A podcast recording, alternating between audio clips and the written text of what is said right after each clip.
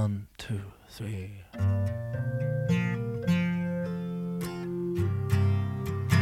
It's been a long... רגע, מה זה בעצם רגע?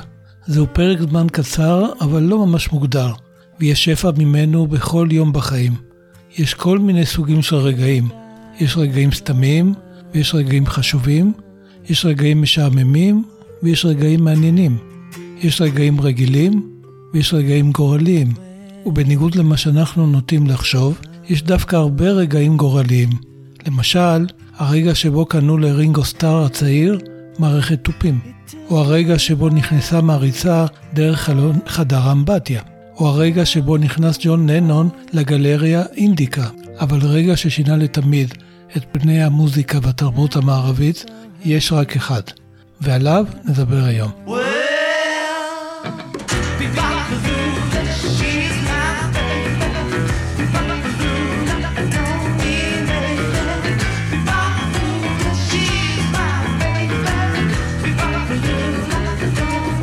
שעת אחר הצהריים של תחילת חודש יולי בשנת 1957. בגינה של הכנסייה סן פיטרס צ'רץ' שבצפון ליברפול מכריז פתאום הרמקול.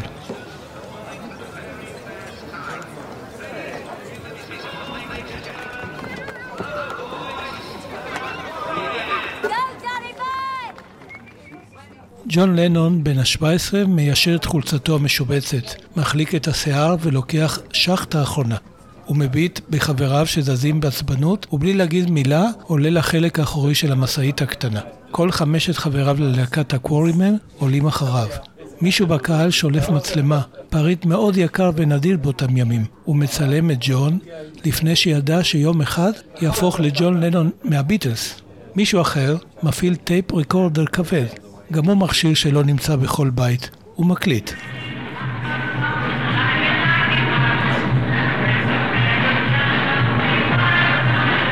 אבל בקהל היה עוד מישהו, ילד שמנמן שרק לפני שבועיים וחצי מלאו לו 15 שנה.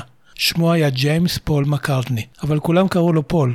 לפני מספר ימים ניגש אליו חבר מבית הספר שבו הוא למד, המוסד לבנים של ליברפול. הוא סיפר לו על מסיבה שנתית שעורכת הכנסייה של שכונת וולטון.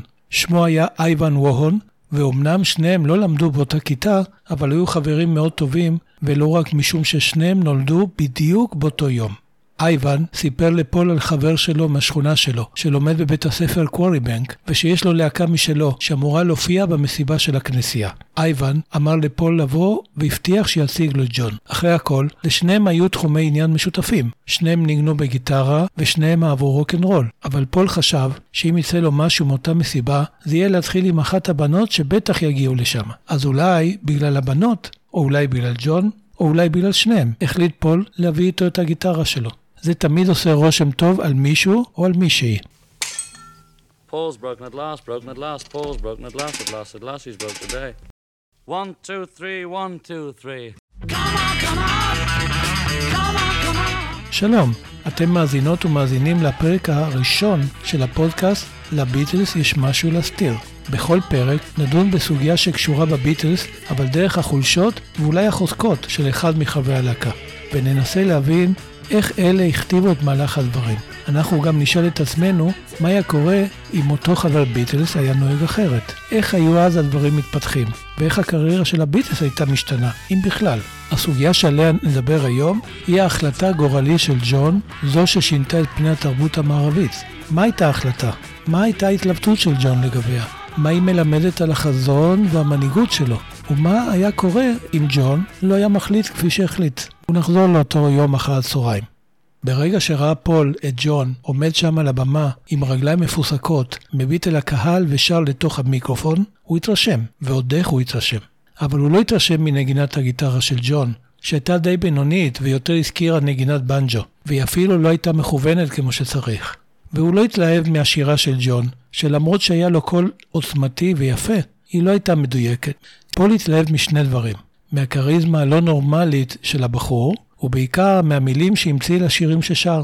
היה ברור שג'ון לא ידע את המילים, אבל הייתה לו דרך מתוחכמת לשלב במקומן מילים משלו, והן נתנו לשיר תחכום ונינוח בלוזי.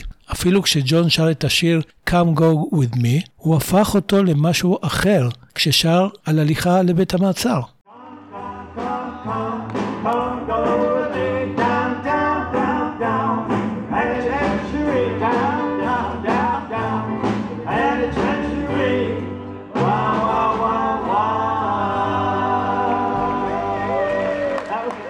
פתאום שכח פול מכל הבנות שמסביב, וכל מה שרצה היה לפגוש את ג'ון. הוא כבר הכיר את הפרצוף שלו. בשנה האחרונה יצא לו לראות אותו לא פעם באוטובוס, ואפילו בחנות ה fish and chips. אבל משום מה, הוא תמיד קצת פחד ממנו. הרי ג'ון בוגר ממנו בשנתיים שלמות, ובגיל הזה זה לא מעט, ויש לו מבט שיכול לחדור בך. ההופעה הסתיימה, וג'ון הודיע שבערב הם יופיעו באולם שמעבר לרחוב. בעוד פול התלבט האם לבקש מאייבן להכיר ביניהם, שמע אותו מציע לו לגשת לאולם ולהכיר את ג'ון. פול התרגש ורעד קל חלף בגופו. די מהר מצאו השניים את עצמם בתוך האולם, וניגשו ג'ון והחבורה שהיו עם הגב אליהם כשהם שותים בירות מפחיות וצוחקים ביניהם. היי hey, ג'ון, קרא אייבן, וג'ון הסתובב לעברם. הוא חייך אל אייבן ושאל אותו האם הוא אהב את ההופעה. במהלך השיחה הקצרה בין השניים, התעלם ג'ון מפול, שעמד נרגש והקשיב להם בקשב רב. אז הציג אייבן את פול בפני ג'ון, וג'ון בפני פול. איך הייתה ההופעה? שאל ג'ון, ופול שם לב כמה הוא מסריח מבירה. פול אמר לו שהיה בסדר, כשהוא מנסה לשחק אותה cool. ג'ון חייך בזלזול, ואז העיר לו פול שהגיטרה שלו לא מכוונת, והציע לעזור לו. ג'ון נתן לו את הגיטרה בחוסר אמון, אבל הופתע כשפול עשה את העבודה בדיוק כמו שצריך.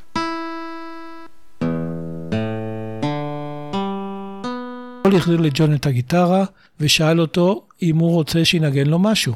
ג'ון אמר לו שלא משנה לו, ופול פסח בשיר 20 Flight Rock של אדי קוקרן, שיר ארוך עם הרבה מילים.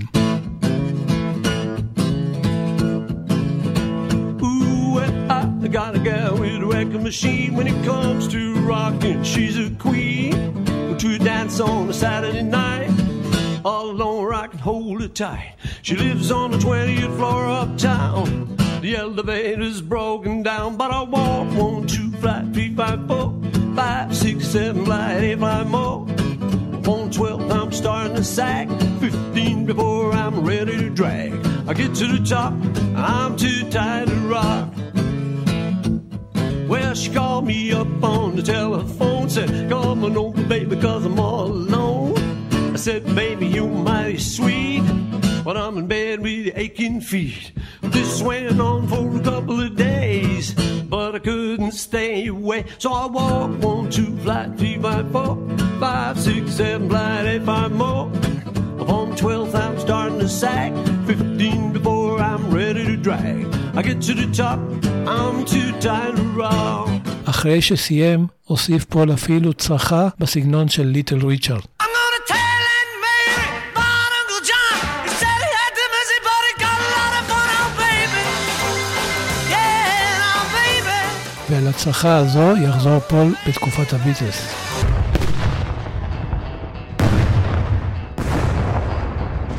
כאן המקום לחזור אחורה בזמן, אל ה-9 באוקטובר 1940, בדיוק אל השעה 18:30. אז נולד בבית היולדות שברחוב אוקספורד במרכז העיר, תינוק שאימו תקרא לו ג'ון ווינסטון לנון. בשנת 1940 הייתה אנגליה שקועה במלחמה מול גרמניה הנאצית, וכמו לונדון, גם העיר ליברפול סבלה מהפצצות רבות של חיל האוויר הגרמני. האגדה מספרת שבלילה שבו נולד ג'ון לנון, הופצצה ליברפול קשות, ודודתו מימי, עליה נדבר בהמשך, דילגה בריצה ברחובות העיר בין ההריסות כדי להגיע לבית היולדות ולראות את אחותה ג'וליה, וטרח הנולד. אבל כמו בכל אגדה, הסיפור הזה אומנם יפה, ומוסיף נופך מיוחד לביוגרפיה של ג'ון לנון, אבל יש איתו רק בעיה אחת, הוא פשוט לא נכון.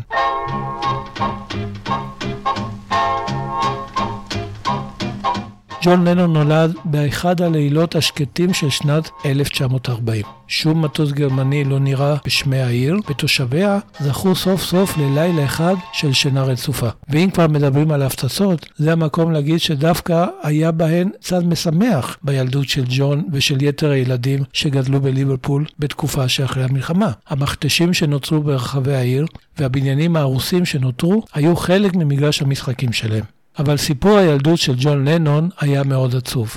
ג'ון נולד לזוג הורים שכמעט ולא חי ביחד. אביו היה רוב הזמן בלב ים, כמו הרבה גברים בליברפול שעבדו בצי הסוחר. ואימא שלו אהבה לבלות ולבקר בפאבים השכונתיים.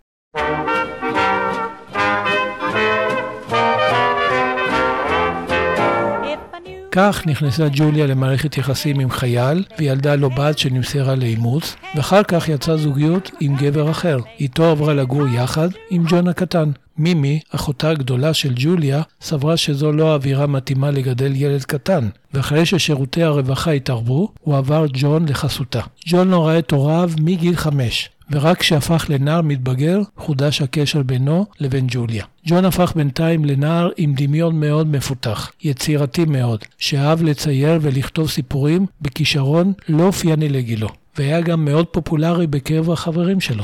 מצד שני, הוא היה תלמיד די בינוני ומאוד מרדן, והיה לו קשה להסתגל למסגרות. ג'ון רצה להיות ציפור חופשייה ולעשות מה שבא לו. הוא עשה המון צרות למורים, ובעיקר לדודה מימי, שהייתה אישה מאמינה גדולה בלימודים, במשמעת קשה ובהתמדה. באותה תקופה התחיל ג'ון להתעניין במוזיקה, ודווקא המפגש המחודש עם ג'וליה, שהפכה עבורו לסוג של אחות גדולה, פתח לו הזדמנויות חדשות.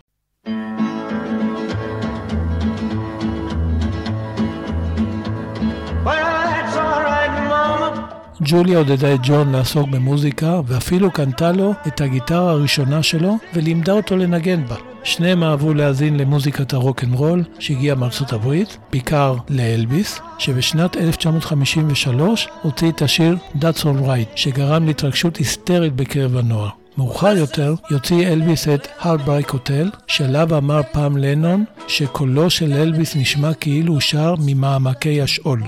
hotel just so lonely, baby. Well, I'm so lonely.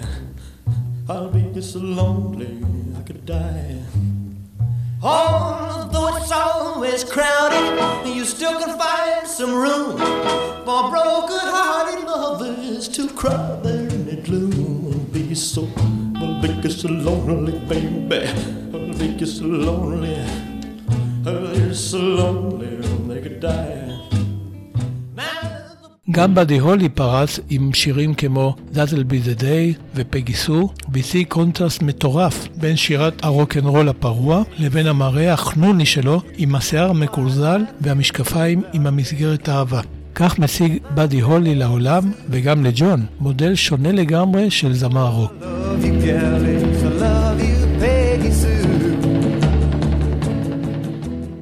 אלביס ובאדי הולי הפכו לגיבורי התרבות של לנון. עד כדי כך שכאשר שמע לראשונה את השיר "Long Tall Sally" של ליטל ריצ'רד, הרגיש שאם יעריץ גם אותו, הדבר עלול להיחשב לבגידה של ממש. ג'ון פתר את הדיסוננס בכך שהחליט לכנות את ליטל ריצ'רד, אלביס השחור, כך ששניהם יכלו לחיות בשלום זה לצד זה.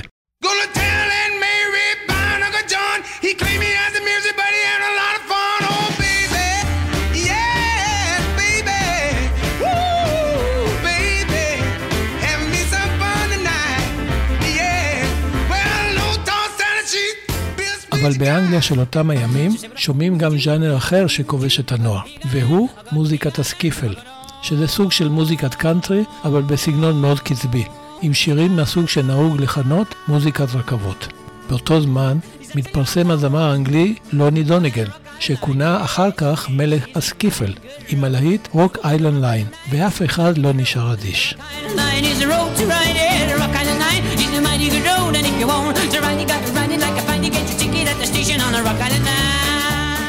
במוזיקת הסקיפל היה אלמנט מאוד חשוב, והוא הזמינות של כלי הנגינה. בעוד שכדי לנגן רוק אנד רול אתה צריך שיהיו לך גיטרה חשמלית ומערכת תופים שעולים הרבה כסף, כדי לנגן מוזיקה סקיפל צריך כלי נגינה מאוד פשוטים, רובם תוצרת בית, למשל גיטרה אקוסטית זולה, בנג'ו, קרש כביסה וכל דבר שמשמיע רעש. זה דבר מהותי, כי אז קל מאוד להקים להקת סקיפל, ודי מהר כל אנגליה התמלאה בכאלה, וזה קורה גם בליברפול. ג'ון לנון, כמו רבים אחרים, הקים גם הוא להקת סקיפל, אבל החלום שלו נותר עדיין להקים להקת רוקנרול.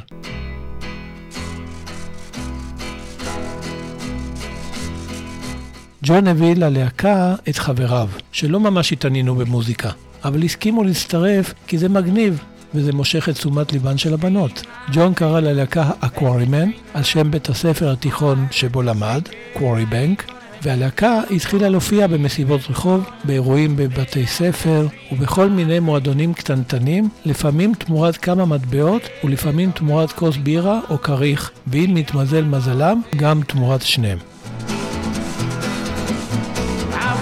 Union Station, acted like a child. I asked that cold black mama, which train do I ride? I'm gonna leave in the morning, oh baby, on that streamline train. כך אנחנו חוזרים ל-6 ביולי 1957, כשלהקת הקוורימן הופיעה במסיבה השנתית של הכנסייה השכונתית. ובקהל עמד פול מקרטני, ונשמע את פול מספר על הנסיבות שהביאו אותו לאותו יריד באותו יום גורלי. I had a mate called Ivan Vaughan, my schoolmate, who was born on exactly the same day, 18th of June 1942, as me. So we became great mates. אייבן היה חבר שלי מבית הספר, והוא נולד באותו יום שבו אני נולדתי. וכך נהיינו חברים טובים, למרות שלא היינו באותה כיתה. יום אחד הוא סיפר לי על חבר שלו מהשכונה שבה הוא גר, ששמו ג'ון, והייתה לו להקה. אייבן אמר לי, אתה תאהב את הבחור הזה, הוא ממש טוב. והוא גם סיפר לי על איזה יריד שהתקיים ביום שבת, ושאל אותי אם אני רוצה לבוא. אמרתי לו, כן, בטח. למרות שהייתי הולך בכל מקרה, בגלל שמדובר במסיבה. באתי וראיתי את החבר שלו, ג'ון, ואת הלהקה שלו, ואחרי ההופעה, אייבן הציג אותי בפניו. פול סיפר גם על הרושם שהותירה בו ההופעה של ג'ון.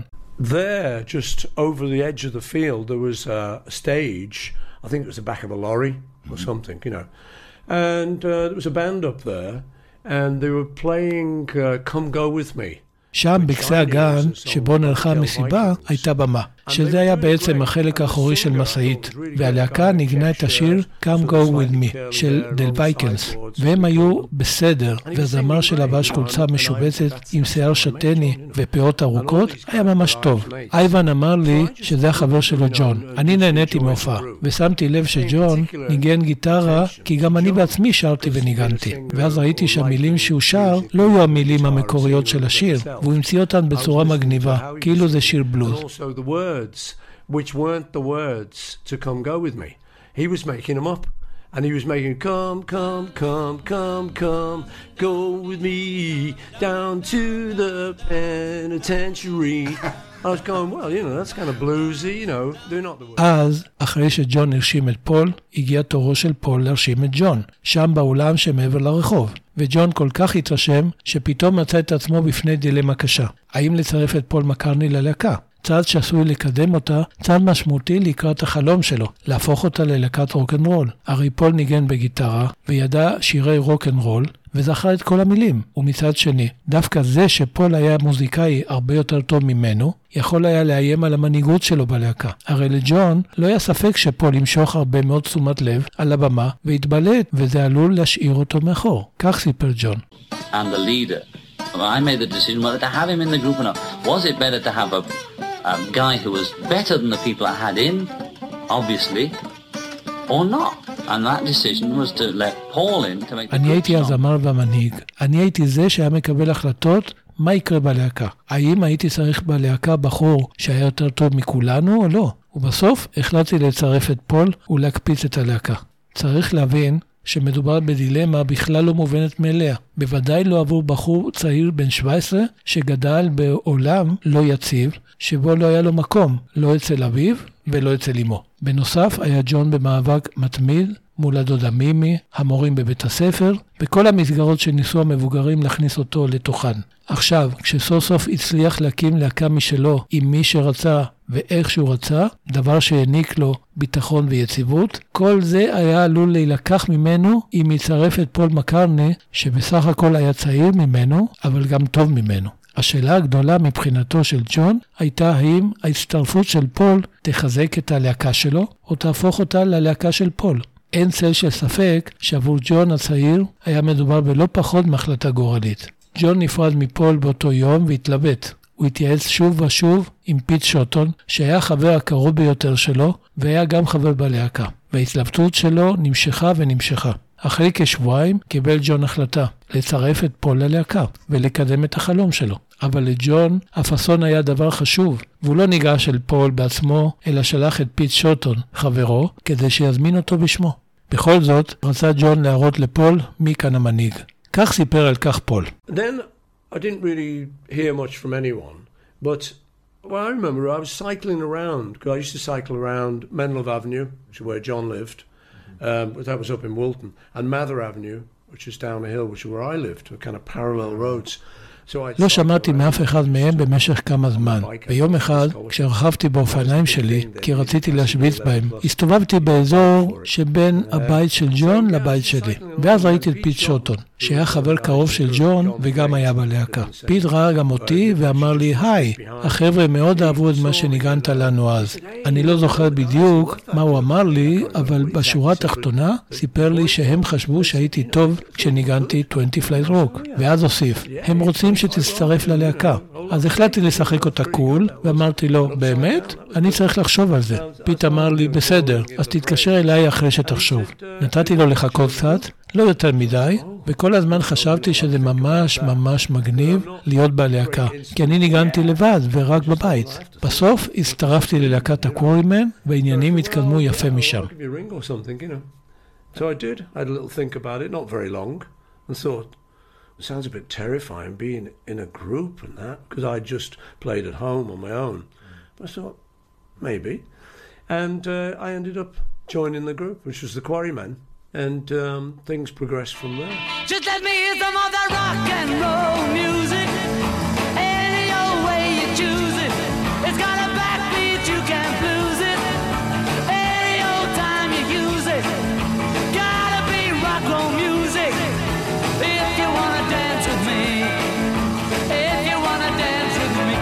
Kick against modern jazz.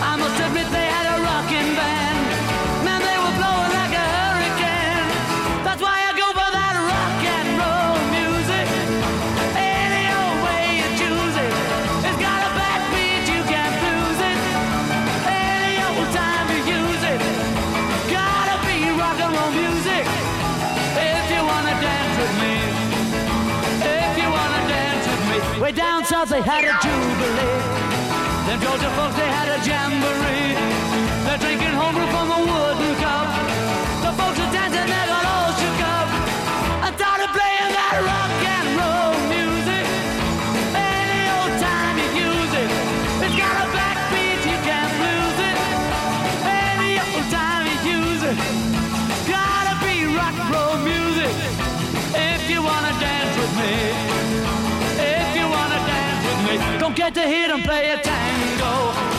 And in the mood they take a mambo. It's way too early for the Congo. So keep a rocking that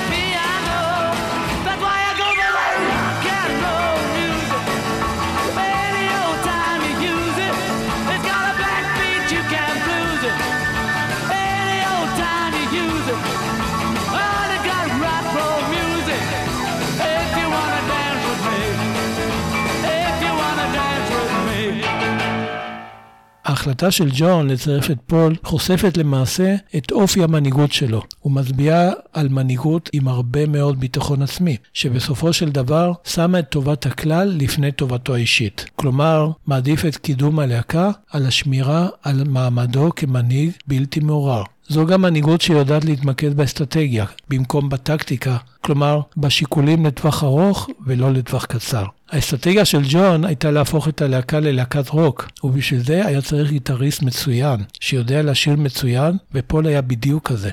הרגע המדויק שבו החליט ג'ון לנון להזמין את פול מקארטני להצטרף ללהקה, הוא הנקודה האחת ששינתה לתמיד את פני התרבות המערבית, לא פחות. קודם כל את המוזיקה, אבל גם את האומנות ובכלל. זו בעצם ההחלטה שתכתיב את מהלכי שנות ה-60, שבהם היו הביטלס ובמרכזה הצמד לנון מקארטני, הכוח המניע שהשפעותיו ניכרות עד היום וכנראה ימשיכו לתמיד. ומה אם ג'ון לא היה מצרף את פול לקוורימן?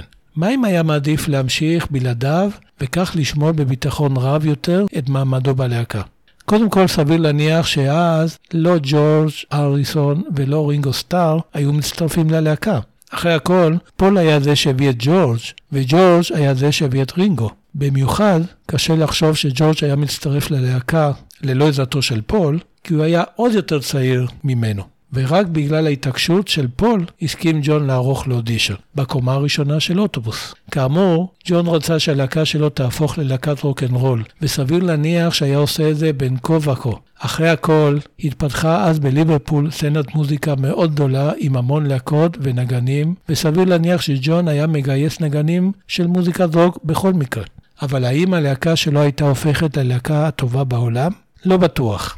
השילוב של ג'ון, פול וג'ורג' אה, כן, וגם רינגו, היה מה שגרם לביטלס להיות גדולים מהחיים. סביר להניח שהלהקה שהיה מקים ג'ון הייתה מצליחה, אבל בעיקר בזכותו, ולכן הייתה הופכת ללהקה של ג'ון לנון. כנראה שג'ון היה מצליח לפתח קריירה סולו מוצלחת מאוד, אבל לא ברור שללא המסלול שעבר עם הביטלס, היה מגיע לאן שהגיע בסופו של דבר. לקראת הסוף, אני רוצה לתת המלצה שקשורה בסוגיה שדיברנו עליה היום. אבל לפני כן, אוסיף שעם כל ההתרגשות והשמחה של פול להצטרף ללהקה של ג'ון, הוא שיחק אותה קשה להשגה. קודם כל, ביקש מפיט כמה ימים לחשוב, בדיוק כמו שג'ון נתן לו לחכות קודם. ולא רק זה, להופעה הראשונה של הקוורימן, כשהוא כבר חבר בלהקה, פול לא הגיע. הוא פשוט יצא עם משפחתו לחופשה, וכך נאלץ להמתין עוד זמן מה, עד שבסוף זה קרה ועלה לבמה לצידו של ג'ון ויתר חברי הלהקה. אבל אז נולד בעצם הצמד לנון מקארני.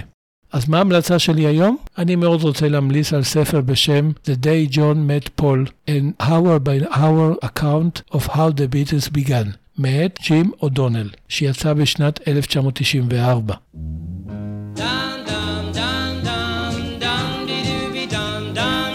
זה ספר שמתבסס על כל מה שקרה באותו יום, כולל הקשרים יותר רחבים של החדשות של אותו יום, מזג אוויר, הוא ממש מתאר שעה-שעה 24 שעות של אותו יום גורלי. נכון, אנחנו לא באמת יודעים מה קרה באותו יום, ויש הרבה דמיון של הסופר, אבל מאחר והוא מתבסס על עובדות היסטוריות שקשורות באותו יום, אני חושב שהוא מכניס את היום הזה לקונטקסט מאוד מעניין, אני ממש ממליץ לקרוא אותו. Baby אז אל תשכחו לבקר באתר האינטרנט שלי, האמת מאחורי הביטלס.